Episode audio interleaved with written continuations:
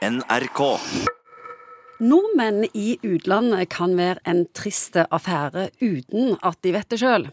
Vi er ofte sjølgode og nedlatende, og så elsker vi å skryte av vårt eget lille og viktige land og velferden vi bader i.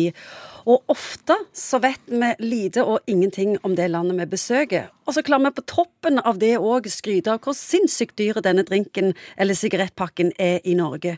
Og psykolog Egon Hagen, hvorfor er vi sånn? Vi er nok litt sånn som disse lottomillionærene, tror jeg. Litt sånn nyrike. og Plutselig så har vi anledning til å reise, og så har vi jo skjønt at det er jo ikke alle som har det like godt sånn som oss.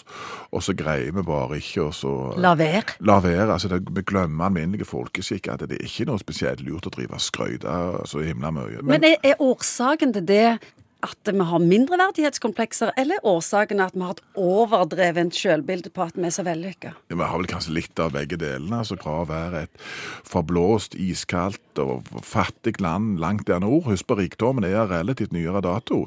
Og i løpet av så kort tid så har dette snudd så fort. Jeg har snakket med folk fra andre land som ser på nordmenn som den litt eh, tilbakestående fetteren som vant i Lotto. Ja, det er kanskje ikke et helt dumt bilde. Og, og, og noen ganger gjør vi jo ting som vi tenker at det var vel kanskje ikke spesielt lurt. Og hvorfor skal jeg snakke om at ølet koster 130 kroner på Karl Johan? Altså når, eh, er det viktig informasjon egentlig å komme med?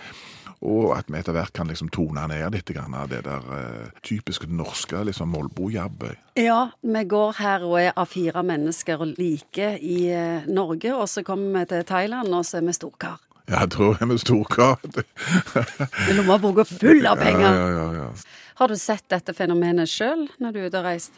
Hørt? Ja, jeg har, nok, jeg har nok gjort akkurat det samme, tror jeg. Og sagt at denne ølen koster faktisk 120 kroner. Men det er en stund siden. Fordi at eh, Vi kanskje si vi bare litt sånn, litt sånn med, med, med store øyne, liksom, hvor, hvor billig det er mange andre plasser. Og så skal vi ha noe å snakke om. Og, ja, at ting er så dyrt i Norge. Underforstått at du må ha ganske mye penger for å leve av det der. Dette tankeløse sjølskrytet vårt, hva konsekvenser får det i møte med andre mennesker? Det kan jo skape avstand, og folk kan være litt sånn undrende hvorfor eh, Nasjonalisme syns jeg nesten, uansett hvordan det, liksom, det kommer til uttrykk, er en ganske det er litt sånn småproblematisk. altså. Heia Norge og heia ski og med verdens beste idretter som ingen andre driver med. Og passe oss at vi ikke blir litt sånn sjølgode. altså. Vi går litt sånn, litt av hengslene og glemmer alminnelige folkeskikk, hvordan du skal være når du er ute og reiser og treffer andre folk. Nå er det jo snart mange som skal ut og reise til all slags verdens land. Har du et råd? Vær nysgjerrig på det landet du er i, det tror jeg er det beste. Det er alltid sjarmerende. Folk som er skikkelig nysgjerrige på det landet det, det du er i, og som ikke snakker så mye om hvordan det var hjemme. Det, det liker jo ikke du, og de andre heller liker ikke det.